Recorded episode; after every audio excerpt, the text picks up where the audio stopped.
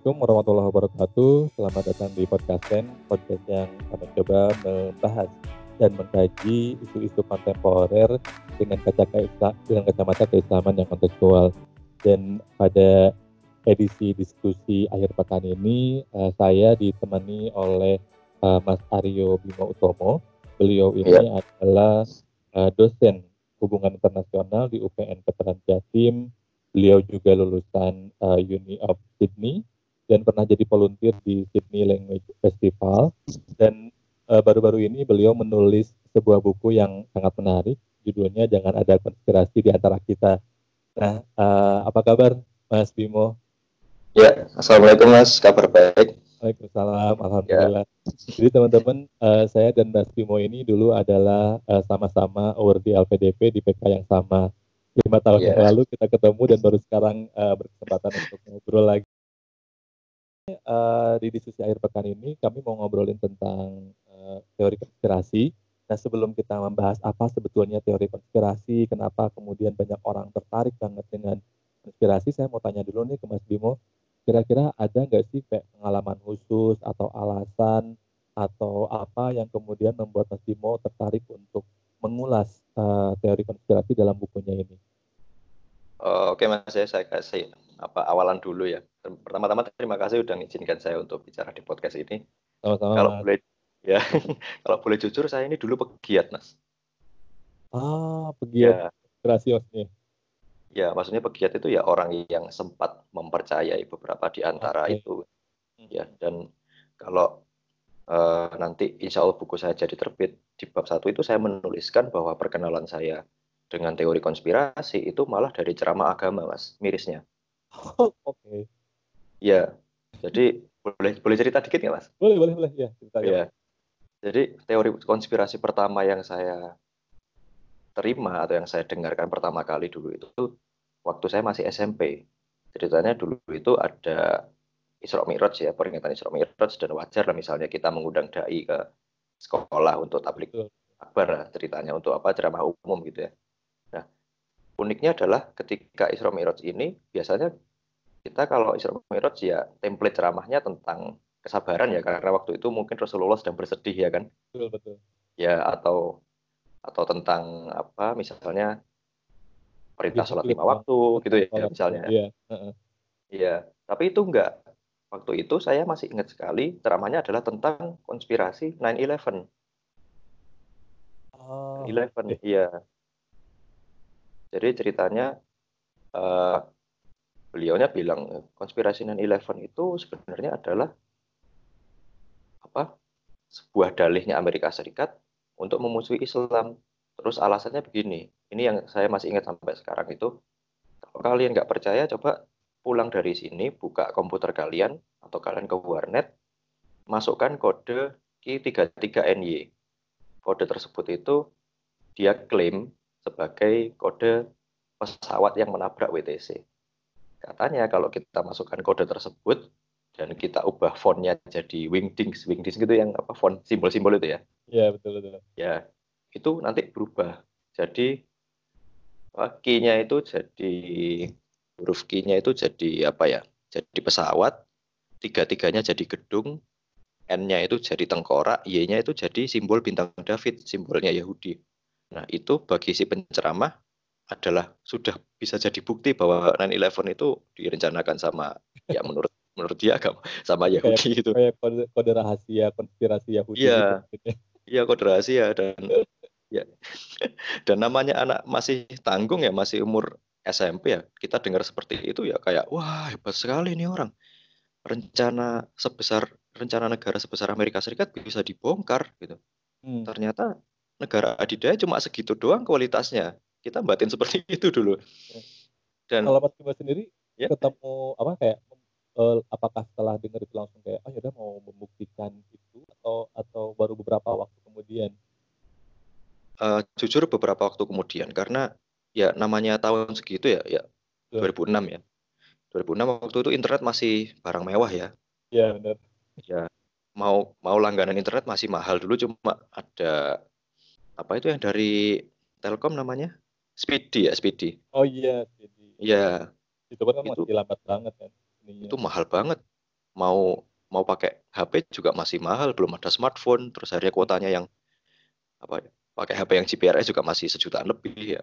Akhirnya waktu itu konspirasi tentang Q33NY itu adalah sesuatu yang saya telan bulat-bulat aja gitu. Hmm. Sesuatu yang ya udah ini itu kebenaran ya. Nah, suatu hari tepatnya ketika saya udah SMA ya, HP saya udah GPRS gitu, saya Ya. kepikiran, oh iya, saya dulu pernah dengerin ceramah seperti ini, bener nggak sih? Saya masukin itu Q33NY ke Google. Ternyata dapat jawabannya bahwa itu bukan kode penerbangannya pesawat 911 gitu. Kode pesawatnya 911 itu A11 A11 sama sama berapa ya? UA UA 175 kan AA itu ya American Airlines, UA itu United America United Airlines atau apalah gitu. Pokoknya Eh, saya nggak tahu Q33 ini itu dapat dari mana gitu. itu memang apa namanya kayak bagian dari bagian yang kayak apa ya dan tanda kutip menarik dari konspirasi ini kadang-kadang ya bahkan kita nggak bisa ngerti gitu pola apa namanya cara mereka memutuskan bahwa ini tuh dari mana itu kadang-kadang kan nggak nggak jelas juga ya Iya, betul sekali, Mas. Dan saya ya miris ya, mirisnya adalah saya nggak bayangkan dari ratusan peserta ceramah itu berapa orang yang akhirnya nggak seberuntung saya, maksudnya nggak se Hmm.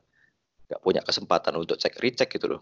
Hmm. Pulang terus kemudian antusias cerita ke ibunya, ibunya cerita ke bapaknya, bapak cerita ke keponakannya misalnya, keponakannya cerita ke teman sekolahnya. Waduh, itu kan dahsyat sekali gitu. Dan itu dosa jariah kan.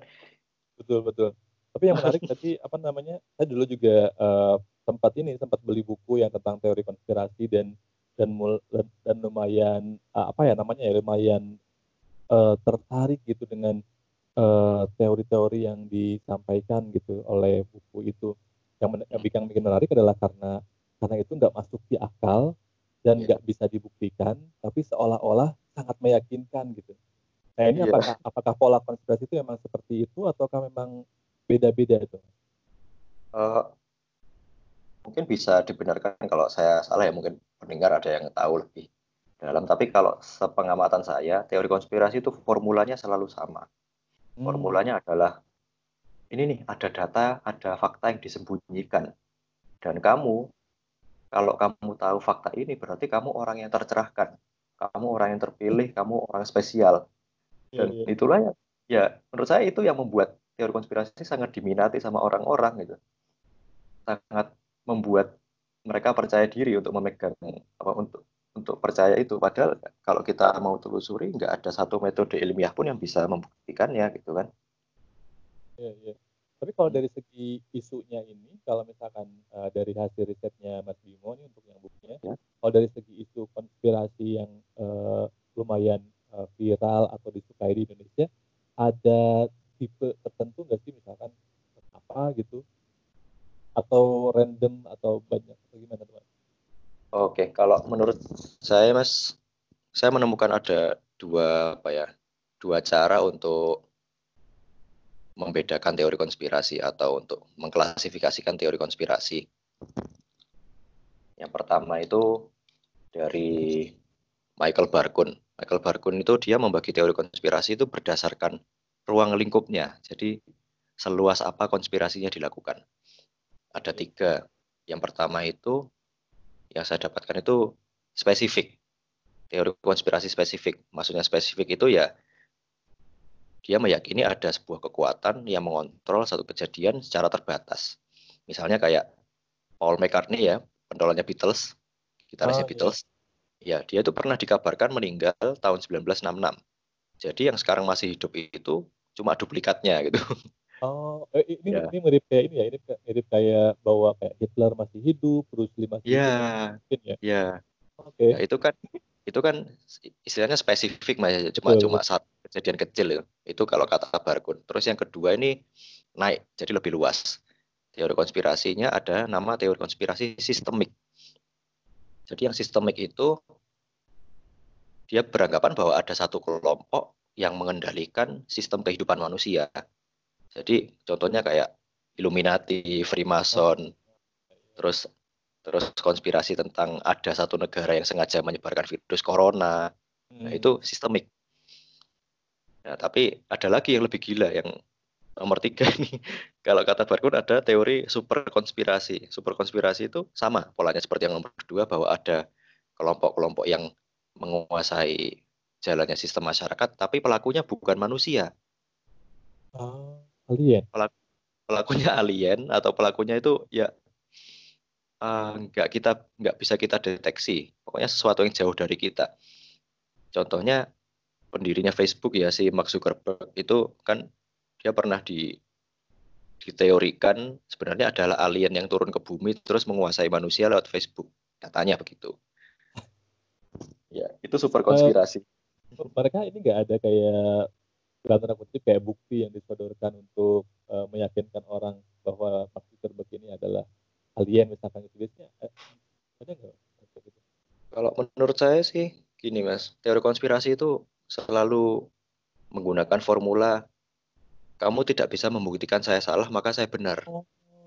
Eh, jadi justru malah nggak mereka nggak ngasih bukti tapi biar karena kamu nggak bisa membuktikan maka yang saya sampaikan itu benar gitu ya? Iya repotnya di situ. Jadi oh. kalau orang tidak memahami soal apa penarikan logika dengan benar itu kan sebenarnya itu kan maksudnya ke kesalahan logika ya. Hmm. Tapi karena kelihatannya oh iya ya benar ya kalau kalau kita nggak bisa memberikan bukti ya berarti kita benar dong gitu. Ya akhirnya dengan tanpa adanya fakta, tanpa adanya metode ilmiah yang bisa menjelaskan, ya itu dipercaya. Repotnya seperti itu kalau kita berhadapan dengan apa teori-teori konspirasi. Iya, iya, iya. Nah kalau ini nih, tadi kan Mas Bimo cerita tentang bagaimana uh, dulu tahu teori konspirasi dari pengajian dan kemudian kesulitan untuk mengakses uh, dan mengecek klaimnya si penceramah tadi karena keterbatasan internet dan seterusnya. Uh, yeah. Nah kalau Mas Bimo ngelihat sekarang dengan internet yang semasif sekarang, apakah justru itu membuat orang jadi mampu untuk uh, mengcounter atau atau mengecek kembali konspirasi atau justru malah bikin konspirasi jadi lebih gampang untuk menyebar? Hmm. Ya ini ya, ini yang agak kita perlu bijak juga karena uh, media ini, terutama internet ya sudah bertransformasi dengan adanya internet ini. Akhirnya muncul dua wajah, satu wajah yang konstruktif, satu wajah yang destruktif. Yang konstruktif ya berarti kita bisa cek dan recheck dengan makin akurat, kemudian kita bisa menggali fakta sesuai dengan apa sesuai dengan sumbernya yang terpercaya. Tapi di sisi lain kalau kita tidak bisa memanfaatkan itu semua yang ada malah destruktif karena semua orang bisa bikin konten, semua orang bisa berkonspirasi, semua orang bisa bilang ini itu dan saya tidak berharap yang kedua yang terjadi. Memang kita harus bijak lah ketika kita menghadapi pengetahuan baru, apalagi kondisinya adalah kita tidak mungkin apa ya jadi pakar sapu jagat lah kalau saya bilang itu nggak bisa apa nggak bisa ya gampangnya kita dulu kuliah aja butuh satu tahun dua tahun ya mas ya? Betul betul betul. Iya. Apalagi ini ya.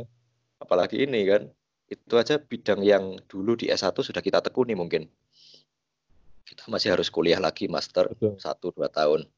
Nah apalagi untuk hal-hal yang tidak pernah kita ketahui sebelumnya gitu.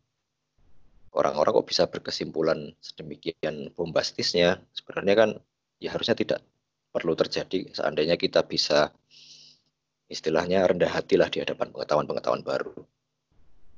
Ini ada ini nggak sih mas ada hubungannya dengan uh, gejala orang untuk jadi anti science? Karena kemarin tuh saya baca baca tulisannya Mister, uh, terus dia kayak mengkritisi bagaimana orang-orang di Indonesia uh, apa ya punya mulai punya kecenderungan untuk anti science. Dia sih ngasih contohnya ketika COVID-19 kemudian justru malah direspon dengan dengan asumsi-asumsi yang tidak based on science. Misalkan, oh enggak, COVID-19 nggak akan nyerang Indonesia kok karena rasnya gini, padahal belum terbukti. Mm -hmm. Ini ada ada relasi nggak sih dengan orang anti science dengan kemudian teori konspirasi ini menjadi semakin gampang dipercaya gitu? Uh, itu punya andil juga sih mas. Tapi gini kalau saya amati itu bisa jadikan penjelasan Tapi kita di saat yang sama juga menghadapi gempuran informasi yang luar biasa. Misalnya orang-orang yang menyebutkan teori konspirasi itu ternyata seorang influencer misalnya. Seorang oh. yang orang yang followernya bisa ratusan ribu atau puluhan ribu lah minimal. Itu kan sebenarnya sudah bisa memunculkan confirmation bias ke kita. Wah, orang ini terkenal, orang ini populer, masa omongannya bisa salah?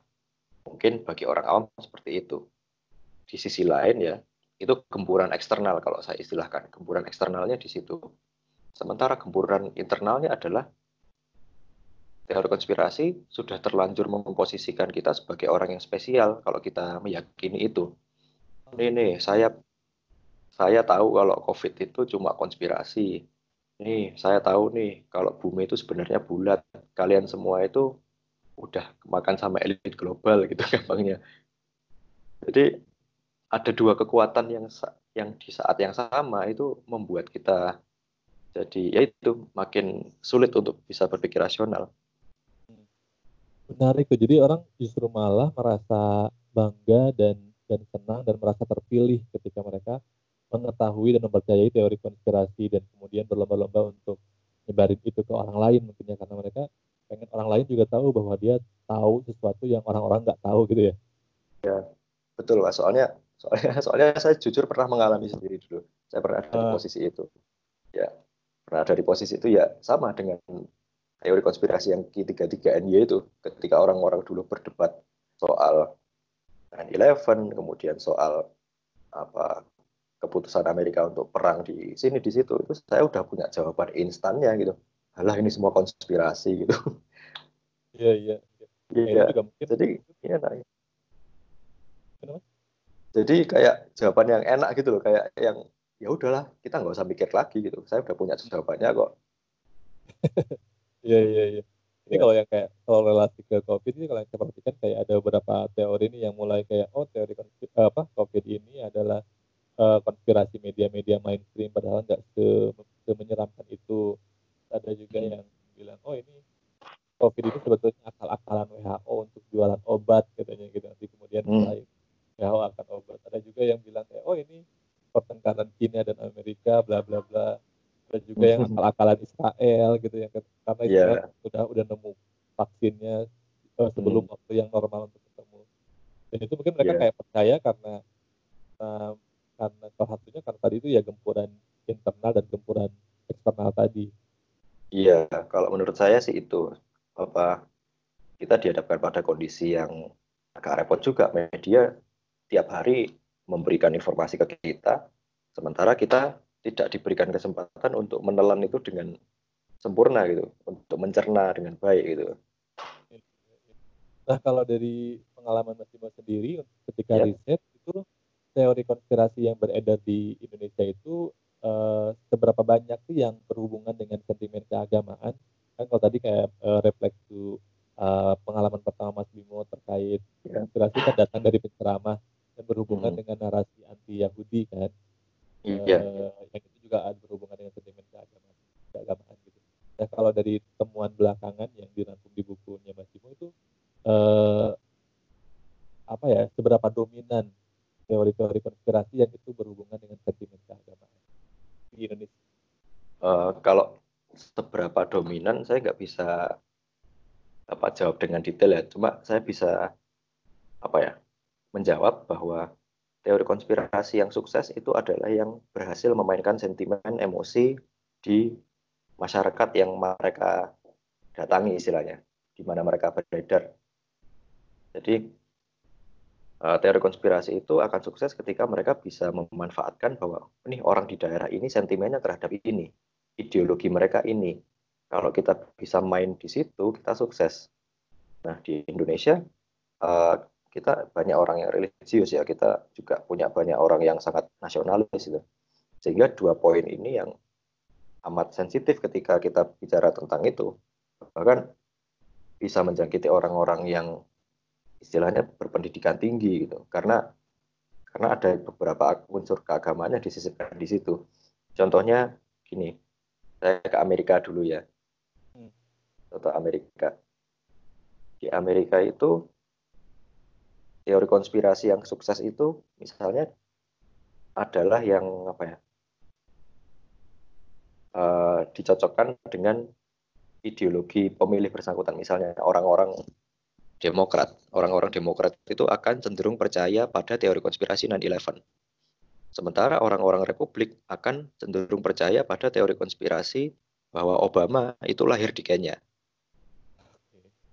Ya jadi sangat apa ya memanfaatkan sentimen ideologi itu tadi. Kalau di Indonesia yang sering digunakan agama misalnya ya tadi kayak anti vaksin, kemudian saya pernah dapat teori konspirasi yang lucu lagi itu ada katanya ada babi yang disilangkan sama domba.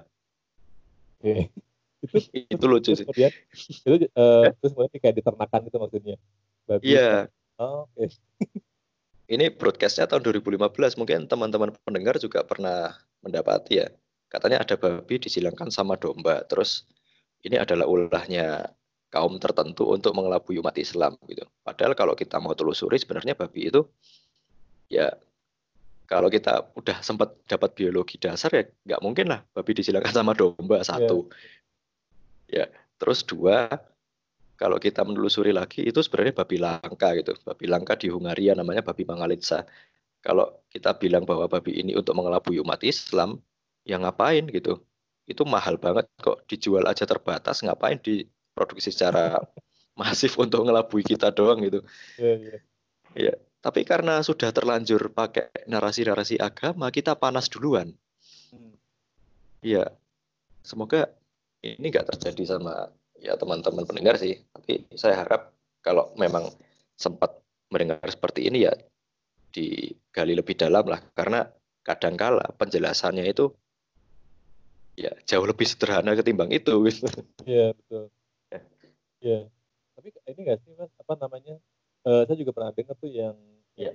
vaksin terus kemudian eh, seingat saya di tahun lalu atau apa kapan gitu terus kemudian hmm. dia nampilkan satu foto yang foto itu diklaim sebagai dokter yang dan terus namanya itu nama-nama yang Islami gitu dan dokter oh. ini kemudian bahwa bahwa vaksin itu salah gitu. Kalau nggak salah ini juga dibahas kan di bukunya. Iya.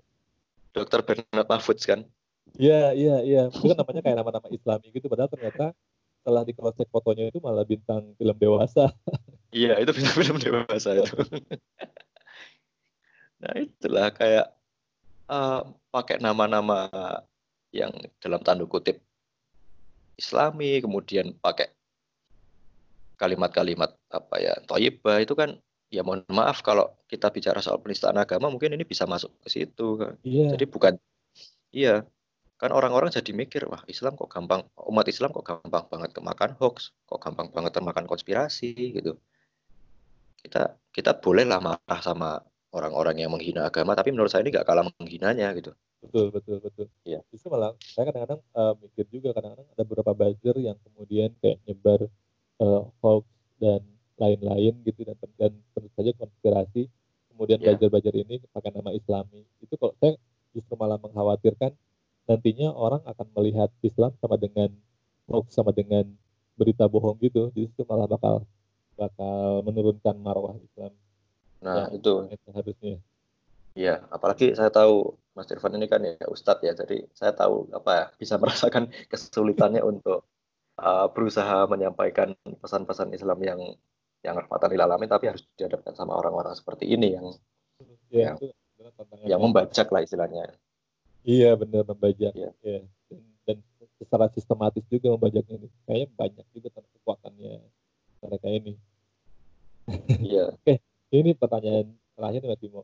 Nah, yep. dengan dengan apa dengan segala gempuran baik eksternal maupun internal seperti ini terus kemudian dengan uh, kecenderungan kita untuk mempercayai teori konspirasi karena kita akan merasa terpilih, tahu informasi dan seterusnya, terus fakta bahwa teori konspirasi ini uh, tidak bisa dibuktikan, therefore harus kita percayai dalam tanda kutip. Uh, sebetulnya ada nggak sih cara yang bisa dilakukan misalkan oleh teman-teman pendengar oleh oleh kita uh, hmm. untuk dalam tanda kutip menguji apakah sebuah informasi itu memang uh, based on data ataukah hanya sebatas konspirasi? Ada nggak sih metode yang yang bisa? Uh, ad ya, ada mas. Pertama-tama kita harus mengetahui hakikat dari teori gitu. Ini kan sering kali yang menjadi rancu ya di masyarakat kita kan kadang sering muncul anggapan bahwa teori itu sesuatu yang dipertentangkan sama fakta atau sesuatu yang belum tentu fakta. Ah ini kan cuma teori. Teorinya iya. begitu tapi faktanya begitu. Iya nggak mas? Iya iya Iya sering kan ya kayak gitu. Sering kan. Oh, kamu bisanya berteori doang atau ini ini kan teori. Faktanya nggak begitu. Umumnya teori itu digunakan sebagai istilah untuk menyebutkan sesuatu yang belum terjadi atau sesuatu yang cuma reka-rekaan. Padahal kalau kita ya kita mungkin semua belajar dari S1, S2 itu. Kita belajar bahwa teori itu kan sebenarnya adalah apa pernyataan sebuah pernyataan yang bisa menjelaskan fakta. Dan untuk membuat teori kan nggak gampang, maksudnya kita harus mengumpulkan data, harus mengumpulkan fakta, harus meng mengujinya, harus bereksperimen. Baru dari sana kita tarik kesimpulan yang kita sebut sebagai teori. Nah, teori bisa diperbaiki atau enggak? Bisa banget. Bisa. Masalahnya kalau mau memperbaiki teori syaratnya kan harus ada yang diuji dulu. Hmm. Kita kan dulu gitu ya kayak ini teori mau kita buktikan salah. Kalau kita mau membuktikan teori salah ya syarat utamanya kan harus ada yang diuji dulu. Hmm, Misal, misalnya dulu orang-orang apa Yunani bilang atom itu unsur unsur kimia terkecil gitu ya. Hmm. Atau atau dari ya terus dari ilmuwan-ilmuwan zaman dulu bilang gitu. Tapi lama-lama kan ditemukan ada elektron, ada neutron, ada proton. Oh, berarti teori yang dulu kurang lengkap nih. Hmm. Ini saya lengkapin. Nah, itu kan berarti ada proses apa ya, proses eksperimen terus kemudian proses falsifikasi, pembuktian dari klaim-klaim yang lama. Kan nggak bisa kita teori itu langsung muncul ke kesimpulan. Kalau teori langsung loncat ke kesimpulan, mungkin kita dulu nggak usah kuliah, Mas. Iya, benar. Iya. Itu dulu sih kalau yang pertama. Terus yang kedua, uh, mungkin ada juga tips ya yang saya pakai. Tipsnya namanya berpikir hemat atau parsimoni. Berpikir hem berpikir hemat ini uh, sebenarnya masih berkaitan dengan teori ya. Ini dulu diajarkan sama dosen saya. Kalau kamu cari penjelasan terhadap satu fenomena, cari penjelasan yang tidak mengada-ngada. Cari penjelasan yang bukti-bukti bisa mengarahkan ke sana. Contohnya gini, uh, Misalnya nih, Mas Irfan, pergi seharian. Terus sampai rumah pulang jam 9 malam. Nah, pas jam 9 malam itu lampunya belum nyala. Ya. Di antara dua penjelasan ini kira-kira yang lebih masuk akal yang mana? Penjelasan A, Mas Irfan lupa menyalakan lampu saat tidak berangkat. Itu penjelasan A. Penjelasan B bilang kayak gini. Mas Irfan udah nyalakan lampu saat berangkat, tapi pas Mas Irfan di jalan, tiba-tiba ada ninja nih, ninja diam-diam masuk ke rumah kita, nyogok satpam, satpamnya disogok, kemudian satpamnya nunjukin rumah kita, ninjanya masuk lewat dapur, mematikan lampu, terus sebelum Mas Irfan datang jam 9, ninjanya kabur duluan. Akhirnya lampunya nyala. Nah, penjelasan lebih masuk akal yang mana? Kalau ya, kalau gitu. ya, yang A. ya, itu itu apa ya contohnya berpikir konspiratif gitu. Yang kedua ya yang konspiratif ya. Yang yang kedua ya kita nah. menambah kita nambah-nambahi objek yang enggak ada sebenarnya. Enggak ada bukti ke sana tapi kita tambah-tambah sendiri. Iya. kan repotnya kayak gitu tuh. Kita harus bisa membuktikan ada ninja, kita harus bisa membuktikan satpam kita berkomplot. Tapi nyatanya kan nggak ada metode yang bisa menjelaskan itu dan akhirnya yang paling masuk akal ya penjelasan yang A itu tips dari dosen saya dulu. Oke, uh, jadi itu teman-teman uh, diskusi kita hari ini tentang uh, teori konspirasi. Terus sekali obrolannya kita mempelajari tentang yeah. Iya. uh, apa sebetulnya konspirasi, kemudian contoh-contohnya, terus kenapa kita tertarik sekali teori konspirasi dan tadi juga ada contoh real berpikir uh, simple ya terima kasih Iya. berpikir sederhana eh sorry berpikir hemat hemat berpikir hemat ya berpikir berpikir hemat untuk uh, menguji uh, teori uh, menguji apa-apa yang kita kita saksikan. Jadi lain kali ketika ada informasi yang kita dapatkan, uh, apalagi ke uh, informasi itu membuat kita seolah-olah tahu banyak tapi tidak bisa membuktikan itu, kita harus mengecek lagi dengan menggunakan uh, tadi metode berpikir hemat. Itu aja untuk diskusi akhir pekan kali ini. Terima kasih. Uh, Wassalamualaikum warahmatullahi wabarakatuh. Waalaikumsalam warahmatullahi wabarakatuh.